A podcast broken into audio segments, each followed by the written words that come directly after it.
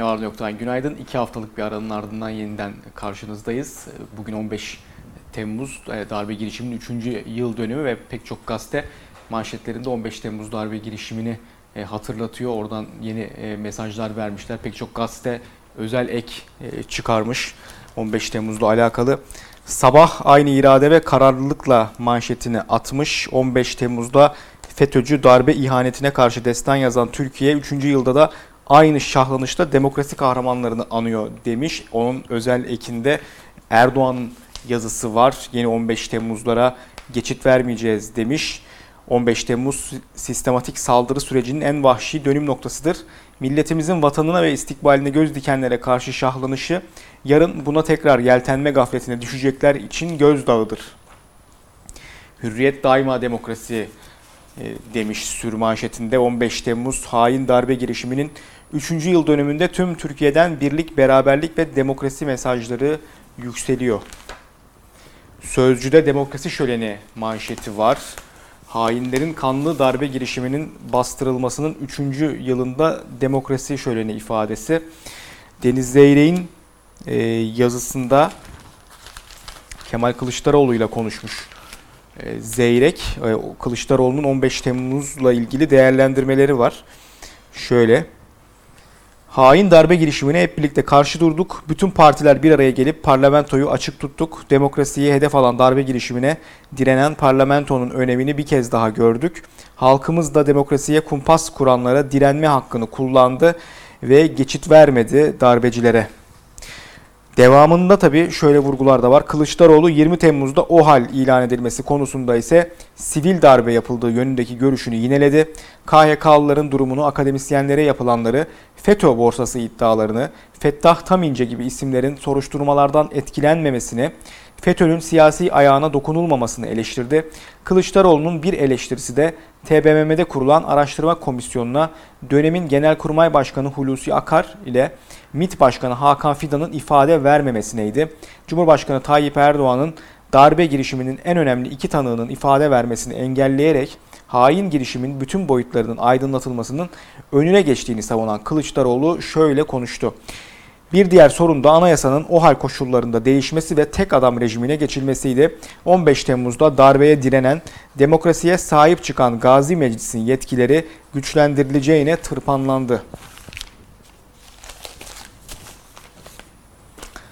Karar sürmanşetinde bir daha asla demiş. 15 Temmuz 2016'da Türkiye'yi karanlık bir uçuruma yuvarlamak isteyen ihanet şebekeleri 81 milyonun iradesine çarptı. 251 şehidini yüreğine gömen Türkiye dünyaya bir demokrasi destanı hediye etti. Aydınlık 15 Temmuz'dan S-400'de Türkiye'nin Avrasya yolculuğu manşetiyle çıkmış bugün. Amerikancı 15 Temmuz darbe girişiminin üzerinden 3 yıl geçti. Millet ordu birlikteliği darbeyi bastırdı. Gladio ezildi. Zincirlerinden kurtulan Türkiye Avrasya istikametine yöneldi. Şimdi Türkiye'nin başta ekonomi ve güvenlik olmak üzere sorunlarını aşması, yeni dünyada yerini alması için önünde tek görev var. Milli hükümetin e, kurulması. Aydınlık bir kez daha meseleyi e, bu milli hükümete bağlamış. Tabii milli hükümet dediği e, şeyin içerisinde Vatan Partisi ve Doğu Perinçek var. Yani son dönemde hemen hemen her e, önemli gelişmeden sonra aydınlıktan e, bu çağrıyı görüyoruz. 15 Temmuz'u da kendilerine bağlamışlar. Evrenselde Kamil Tekin Süre'nin yazısı var. Darbe girişimi Allah'ın lütfu oldu mu? Biliyorsunuz Tayyip Erdoğan darbe girişimi sonrası bu ifadeyi kullanmıştı ve hani bu Allah'ın lütfu söyleminin arkasından da işte o hal ilanı ve daha hani FETÖ ile hiçbir alakası olmayan pek çok muhalif muhalif e, muhalif kesime yönelik e, baskı süreci e, başlamıştı. E, Kamil Tekin Sürey'in e, birinci sayfaya da aktarılan yazısında şu ifadeler var. 15 Temmuz 2016'da gerçekleşen darbe girişiminin üzerinden 3 yıl geçti. Siyaset yeniden dizayn edildi. Başkanlık sistemine geçildi. Yasama ve yürütme tek adama bağlandı yeni ittifaklar kuruldu. Cumhuriyet'te 15 Temmuz bağışları nerede haberi var? FETÖ darbe girişiminin 3. yıl dönümü ne etkin mücadele yapıldı ne mağdurların parası dağıtıldı. Zehra Özdilek'in haberi.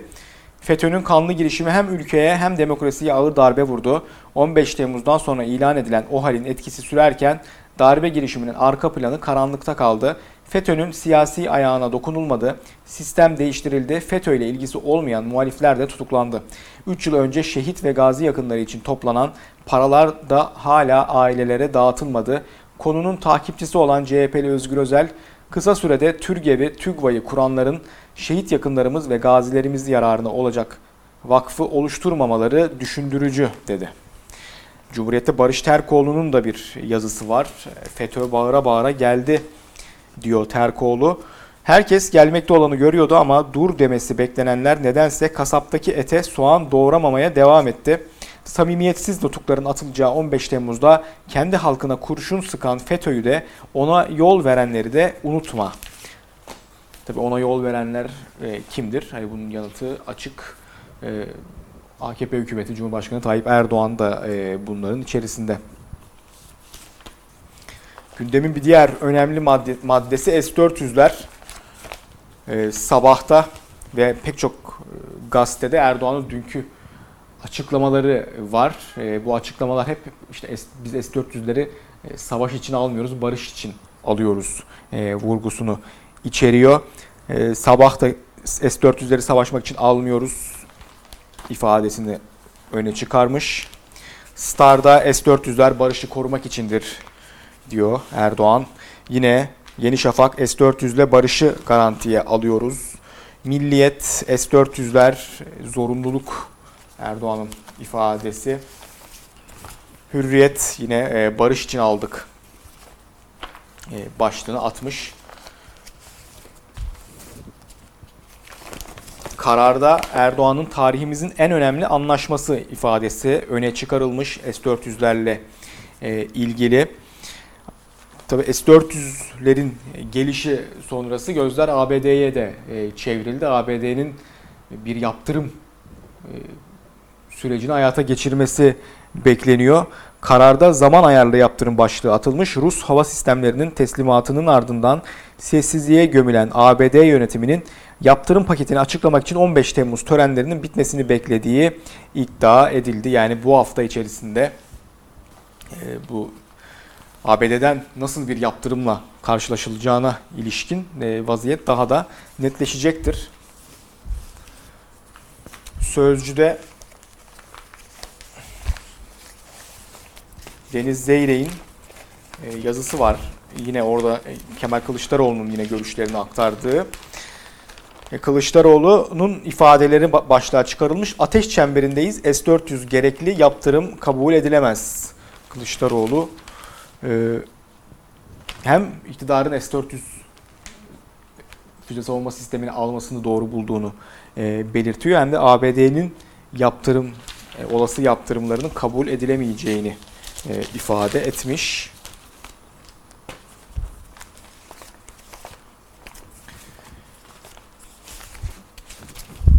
Evrensel'in manşetine bakalım. Kazanan silah tekerleri kaybeden halk olacak. Hükümet dev maliyetli silahlara milyar dolarlar verirken ekonomik krizdeki ülkenin kaynakları silah tekerlerinin cebine gidiyor. AKP hükümeti S-400'lere karşı ABD tepkisini yumuşatmak için Patriot savunma sistemi ve 100 adet F-35'i alacağını söylüyor.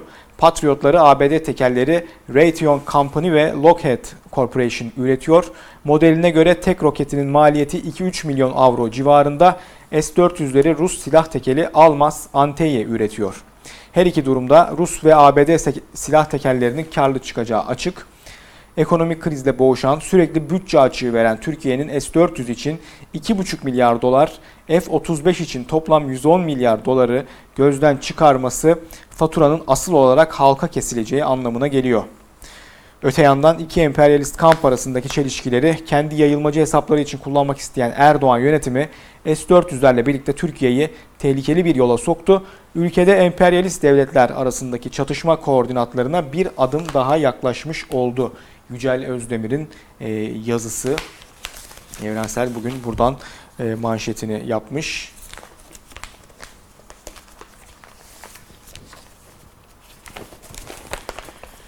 Cumhuriyet'te de 3 yaptırım seçeneği haberi var. S-400 sevkiyatı sürerken Türkiye'ye yönelik yaptırım alternatifleri Trump'ın önünde. Rusya'dan S-400 parçalarını getiren 7. uçakta mürtet hava üstüne inerken ABD'nin Türkiye'ye yönelik yaptırımlarını bu hafta açıklayacağı ileri sürüldü. Amerikan Bloomberg ajansının haberine göre Beyaz Saray yönetimi Trump'a 3 alternatif sundu. Açıklama 15 Temmuz sonrasına bırakıldı.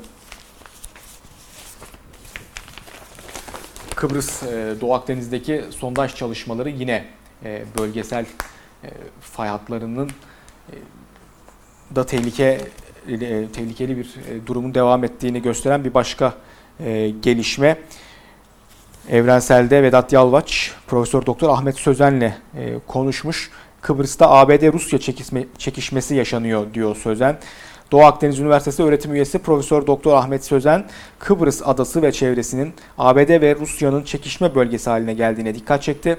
Türkiye yönetiminin Kıbrıs Cumhuriyeti'ni tanımıyor olmasının da doğal gaz faaliyetleri konusunda diyaloğu engellediğine değinen Sözen, en büyük sıkıntı tarafların bir diyalog içerisinde olmamasıdır diyor.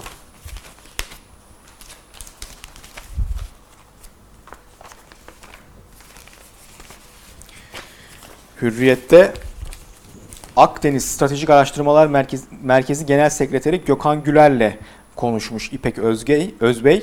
Ee, Doğu Akdeniz'de yaşananlar egemenlik krizi diyor ee, Güler. Kullandığı ifadeler şöyle. Bölgedeki hidrokarbon rezervinin tamamı tüm dünyaya sadece bir yıl yeter. Oradaki mesele kaynak değil, Türkiye'nin uluslararası haklarını giderek daha etkili savunmaya başlamasının verdiği rahatsızlık.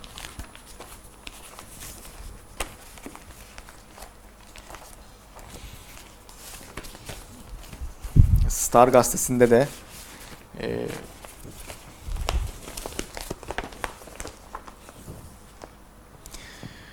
işbirliği yapmazlarsa sondaj devam edecek diye Dışişleri Bakanı Mevlüt Çavuşoğlu'nun açıklaması var. Rum tarafının Kıbrıs Türklerini dışlayarak sürdürdüğü tek taraflı faaliyetlere dikkat çeken Çavuşoğlu, ortak komite kurulması önerisi kabul edilmezse faaliyetlerimizi kararlılıkla sürdüreceğiz demiş.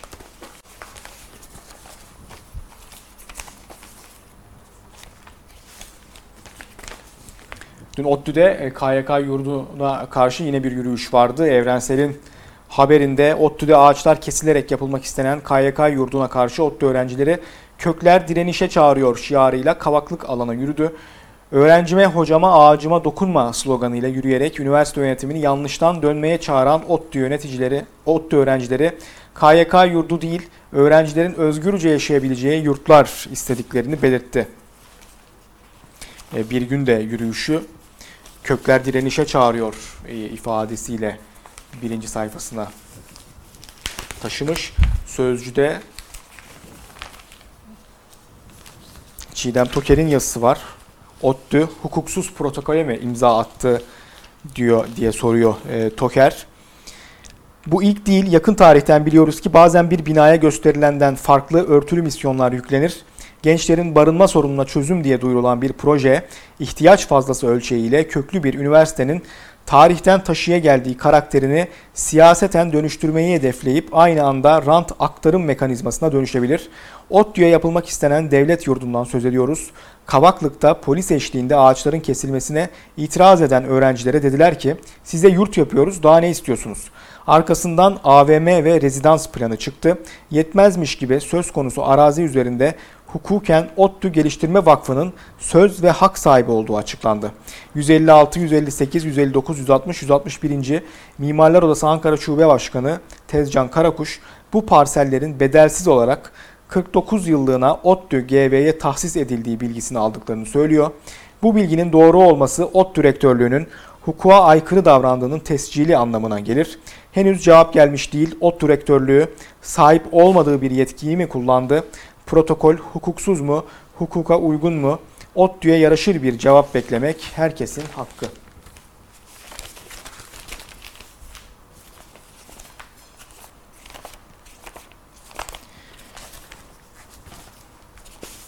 Yeni Yaşam'ın e, manşeti AKP'nin seçimi yeniden tecrit mi ifadesi var e, Abdullah Öcalan'la alakalı.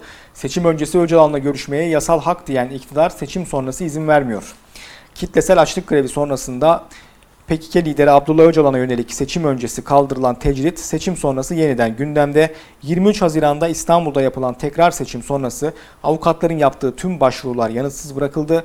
Ailelerin yaptığı başvurularsa reddedildi. Bu durum iktidarın Öcalan'la görüşmeyi seçime endekslediği kuşkusunu doğururken İstanbul'da alınan seçim yenilgisi nedeniyle görüşmelerin engellendiğinden şüphe ediliyor. Bir günün manşeti İstanbul Sözleşmesi tartışmaya açılamaz. İktidar ve yandaşların hedefinde bu kez kadına yönelik şiddetin önlenmesinde önem arz eden İstanbul Sözleşmesi var. Kadınlar tepkili, asla geri adım atmayacağız. Kadına yönelik şiddetin önlenmesi ve toplumsal cinsiyet eşitliğinin sağlanması için imzalanan İstanbul Sözleşmesi'ne karşı saldırılar son günlerde artmaya başladı. Son olarak Erdoğan sözleşmeyi gündeme getirerek muhafazakar camianın rahatsız olduğu hükümler var eleştiriler duyuyorum dedi.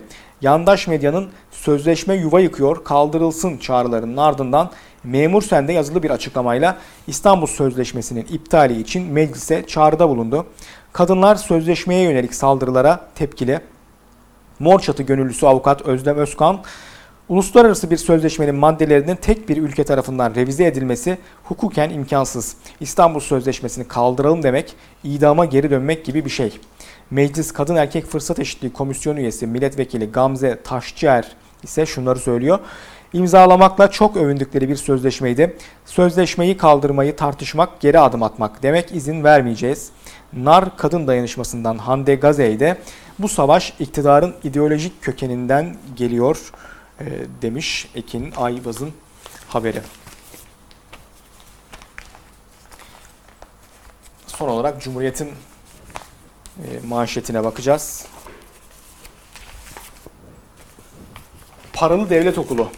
Velilerden kayıt için 25 bin liraya kadar bağış, öğretmen tercihi için de ayrıca para isteniyor. Figen Atalay'ın haberi. İlkokula ya da ortaokula yeni başlayacak öğrencilerin velileri kayıt için gittikleri okullarda acı sürpriz bekliyor. 1000 liradan başlayan kayıt paraları semte, okulun popülerliğine ve sağlanan olanaklara göre 25 bin liraya kadar çıkabiliyor. Parası olan veliye adrese kayıtlı olsa da olmasa da kapılar açılıyor. Öğretmen tercihleri için de fazladan para isteniyor. 5 bin lira veren veli çocuğunu istediği öğretmenin sınıfına kaydettiriyor.